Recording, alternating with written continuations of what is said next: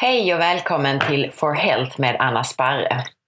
Idag ska vi prata om resistent stärkelse och om att vakna på natten, så kallad tvådelad sömn. Om ni är nyfikna efter avsnittet så hittar ni mer information på forhealth.se, 4health.se. Jag tänkte börja med sömn idag igen. I förra veckans avsnitt så pratade vi lite allmänt om sömn och idag tänkte jag prata om det som jag kallar för tvådelad sömn. Och tvådelad sömn så skrev jag om ganska nyligen här på bloggen på forhealth.se och det blev ett väldigt populärt inlägg. Och efter detta så ska jag ta upp ett par frågor från er läsare och lyssnare.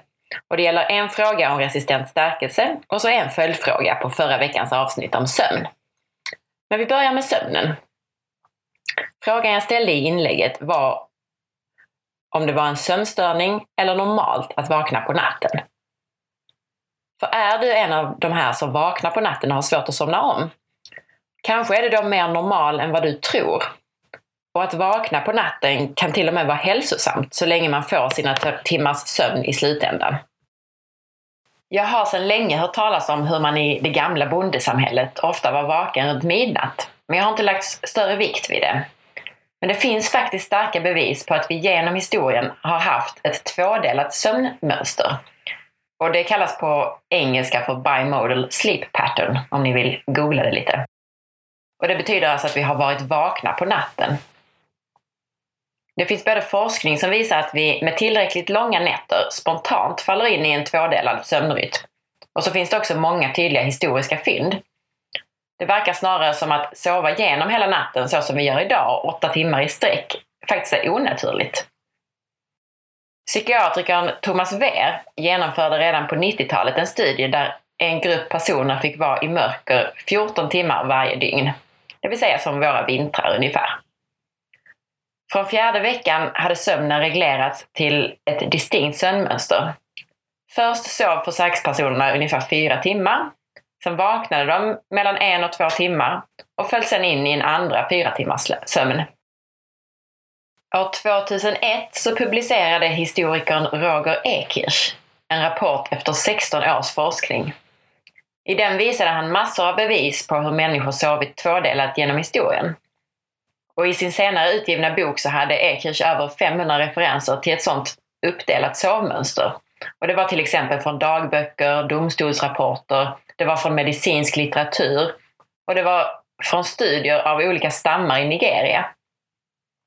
Och det handlar inte bara om antalet bevis utan på hur de refererar till, de tvådelade, till den tvådelade sömnen. Som om det vore en självklarhet.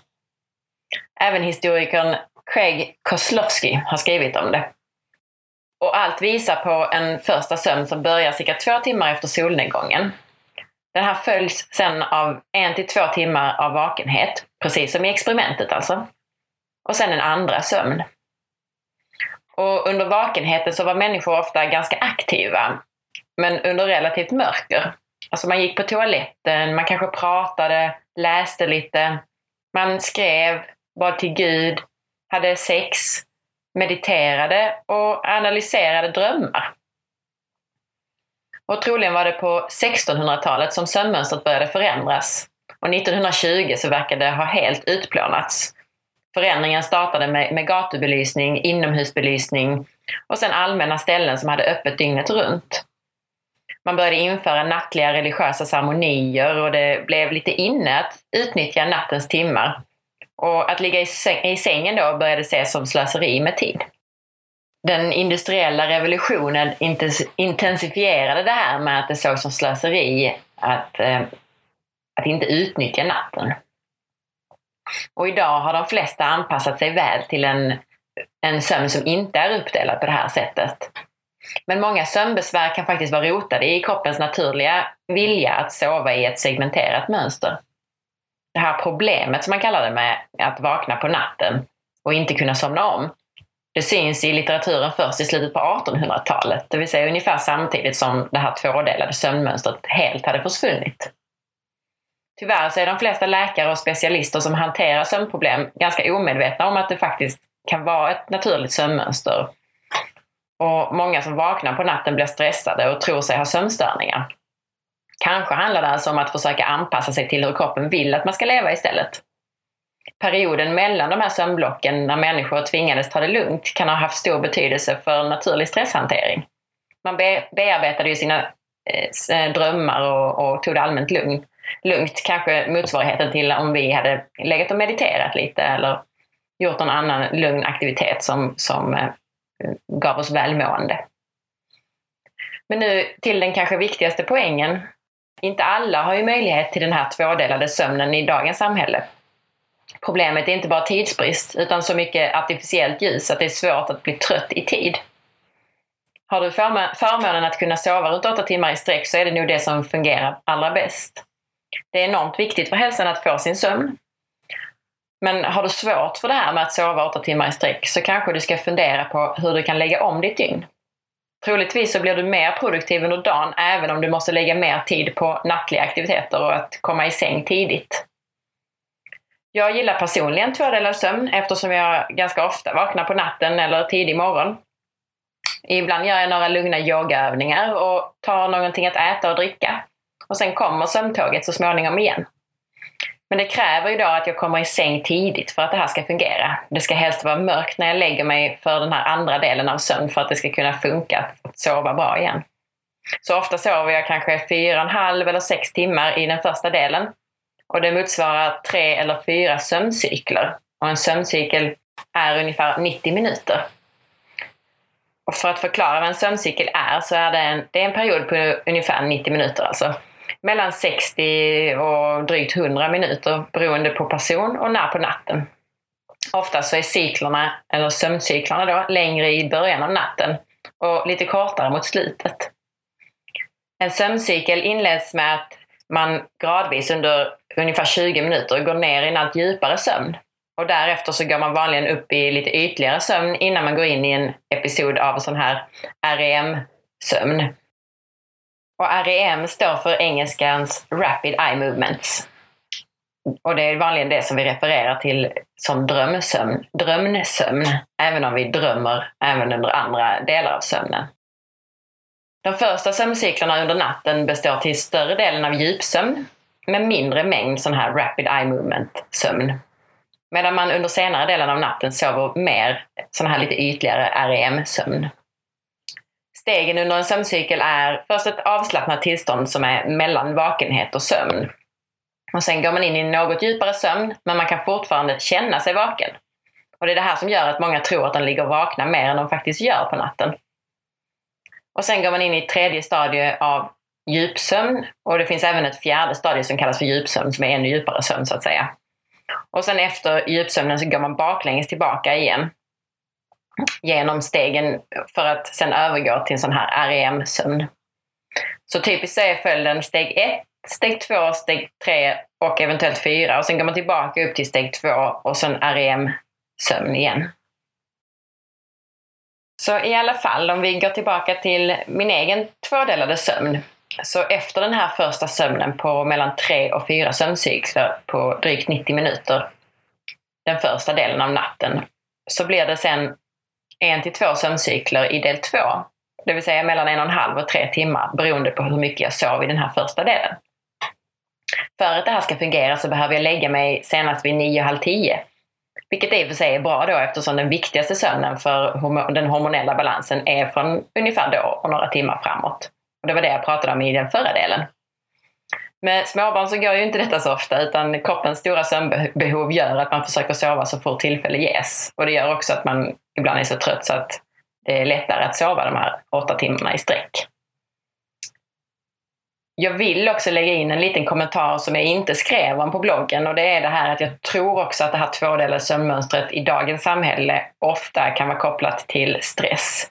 Det vill säga att när man vaknar så går direkt stresspåslaget igång och det kan vara svårt att somna om därför att vi har förhöjda kortisolnivåer. Och jag tänkte prata lite mer om, om stress och stressens följdsjukdomar i nästa avsnitt. Men det kan vara värt att, att veta då, för att då är det ju viktigt att man även jobbar med stressorerna, alltså med det som stressar en. Och något som kan hjälpa är att, att verkligen utnyttja den här tiden till att ta det lugnt, gå upp och göra något lugnande och kanske även ta någonting att äta eftersom maten kan dämpa stresspåslaget lite grann. Så det var nog allt jag tänkte säga om det här med tvådelad sömn. Du får gärna gå in och kommentera på bloggen på forhealth.se vad du själv har för erfarenhet av det här. Vaknar du på natten och vad gör du i så fall? Du kan kommentera antingen till, i, i det här avsnittsinlägget eller i det inlägget som faktiskt handlar om tvådelad sömn som jag skrev om för ett par veckor sedan. Och då tänkte jag gå över till lyssnarfrågor. Och den första lyssnarfrågan idag är från signaturen Jesper. Och Jesper skriver så här i kommentarerna på forhealth.se. Jag skulle gärna vilja att du pratade om resistent stärkelse. Framförallt hur man kan få i sig nog om man inte klarar att dricka potatismjöl i vatten eller få i sig potatismjöl på annat sätt. Alltså vilka grönsaker etc. det finns mycket resistent stärkelse i eller vilken annan typ av kost som kan bidra till att tarmbakteriernas godartade till tillväxt. Tack på förhand, skriver Jesper. Jag tror att vi får göra som så att vi tillägnar ett helt avsnitt till resistent stärkelse inom kort. Och så tar jag en liten snabbversion här idag. Och du kan också läsa mer om resistent stärkelse på forhealth.se. Gå in på forhealth.se och sök i sökrutan på resistent stärkelse. Den sökrutan hittar du uppe till höger på sidan. Men för att ta det lite kort här då, så stärkelse är långa kedjor av sockerarten glukos som finns i potatis, bröd, mjöl och så vidare. Och normalt sett så bryts denna stärkelse ner av enzymet amylas som finns i våra kroppar. Men så har vi också det som kallas för resistent stärkelse. Och kort sagt så är det resistent stärkelse, det är en form av stärkelse som går rakt genom matsmältningssystemet utan att brytas ner eller tas upp. Och så hamnar den i tjocktarmen där den fungerar som fibrer. Och resistent stärkelse har visat sig ha positiva effekter, bland annat på insulinnivåerna. Men det verkar också ha en skyddande effekt, till exempel mot tjocktarmscancer. Så för att då besvara Jespers fråga på hur man kan få i sig resistent stärkelse så är det så att resistent stärkelse finns i kall mat, till exempel i potatis som kylts, eftersom stärkelsen då återgår till sin tidigare raka struktur under nedkylningen. Alltså den får en annan struktur när man tillagar den och sen går den tillbaka, en del av stärkelsen, stärkelsen går tillbaka till en mer svårsmält struktur som då blir en resistent stärkelse. Och även linser och bönor som serveras kalla innehåller, innehåller ganska mycket sån här resistent stärkelse. Det finns även i omogna frukter och det finns i grönsaker, till exempel i gröna bananer. Och högst koncentration finns, som Jesper nämnde i sin fråga, i potatismjöl och, och därefter finns det i majsstärkelse. Men potatismjölet måste vara kallt och det ska aldrig ha varit uppvärmt. Kallt potatismjöl innehåller nästan 80 resistent stärkelse och det kan man jämföra med en grönaktig banan som innehåller runt 5 så potatismjöl är det mest effektiva sättet att få i sig resistent stärkelse. Och jag har själv börjat ta en rågad tesked utrörd i lite vatten varje dag. Men då är ju frågan hur man gör om man inte alls står ut med att svälja ner den där klunken. Och då skulle jag nog testa med, först och främst med att blanda ut potatismjölet med något annat pulver så att säga, som har en stark smak och som man tycker om. Och det skulle kunna vara kakao till exempel. Och sen kan man använda kakaon som man brukar göra. Och jag blandar ofta mitt kokosfett med, med lite kakao. Och kokosfett äter jag ändå varje dag, så varför inte testa då att blanda kakaon med potatismjöl och sen hela den här blandningen med kokosfett. Äter man mejeriprodukter så blir det nog ännu bättre om man blandar den här kakao och potatismjölsblandningen med grädde. Kakao är så fiberrikt att kakao plus grädde blir faktiskt chokladmousse, även om grädden är flytande, om det får stå ett litet tag. Alltså eh, kakaopulvret suger åt sig grädden på ett sätt så att det blir nästan som konsistensen av en, av en chokladmousse. Och den effekten lär man ju bara förstärka om man har potatismjöl i det hela. Och lockar inget av det här och du fortfarande vill ha i dig resistent stärkelse så blir det nog till att börja knapra lite omogna grönsaker och kalla bönor eller gröna bananer. Även om vi då kommer få i oss vanlig stärkelse också. Och annat som kan bidra till de goda tarmbakteriernas tillväxt det är bland annat fibertypen inulin. Och inulin är kedjor av sockerarten fruktos. Alltså istället för glukos som i fallet av resistent stärkelse så har vi kedjor av fruktos. Och nu tänker alla att men fruktos är ju, är ju jätteonyttigt och farligt. Ja, men den här, de här inulinkedjorna av fruktos de bryts inte ner och tas inte upp heller utan det är också fiber eller mat för våra tarmbakterier. Så det går rakt igenom ända, hela vägen ner till tjocktarmen. Och även inulin kan du läsa mer om på forhealth.se. Så sök igen uppe i sökrutan.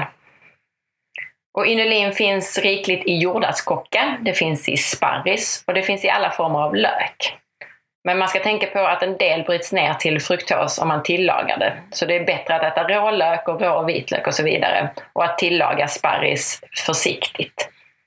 Så eh, använd rå lök, i salladen eller använd vitlök i vitlökssmör så mycket du kan. Så, så får du också en god, eh, ett gott bidrag till din tarmflora. Så jag hoppas att det var svar till dig Jesper och annars får du ställa ytterligare en följdfråga i kommentarerna på forhealth.se så ska jag försöka förklara det ytterligare. Sen hade vi också en fråga från signaturen Tina och hon skriver Kul att du börjat podda. Jag följer din intressanta blogg sedan länge. Funderade på några saker som du nämnde i senaste podden.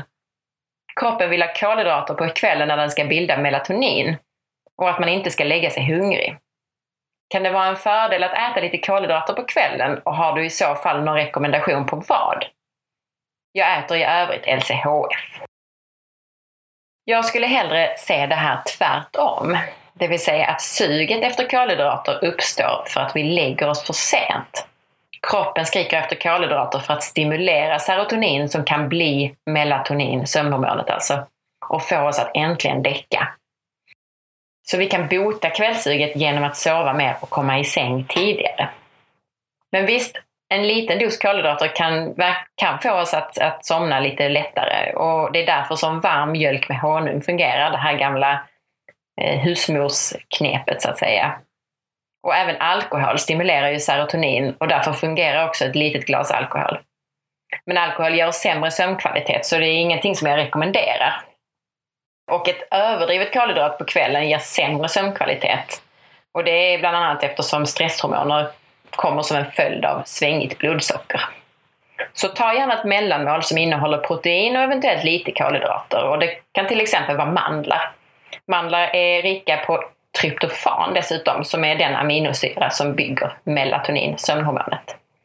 Så ett litet mellanmål och eventuellt kan det innehålla lite naturliga kolhydrater, men protein skulle jag säga är viktigare eftersom proteinet också kan bidra till lite blodsocker. Det var allt för idag. Tack så mycket för att du lyssnade och gå gärna in på iTunes och tyck till om den här podcastkanalen. Det gör du genom att klicka på ikonen, det vill säga bilden på mig och sen väljer du betyg och recensioner. Där klickar du på stjärnorna. Klickar du längst till höger så markerar du alla fem stjärnor, det vill säga om du tyckte att det var bra. Och klickar du längst till vänster så blir det bara en stjärna om du tyckte att det var lite sämre. Och du kan på samma sida trycka på knappen Skriv recension och skriva en mening om vad du tycker. Om du vill dela med dig av avsnittet till en vän så klickar du på pilen bredvid knappen Prenumerera och väljer antingen att kopiera länken och klistra in i ett mail till vännen eller dela på Facebook. Glöm inte heller att titta in på forhealth.se för att ställa frågor som vi kan ta upp i kommande avsnitt. Frågorna ställer du i kommentarerna till blogginläggen. På återhörande och ha en härlig dag!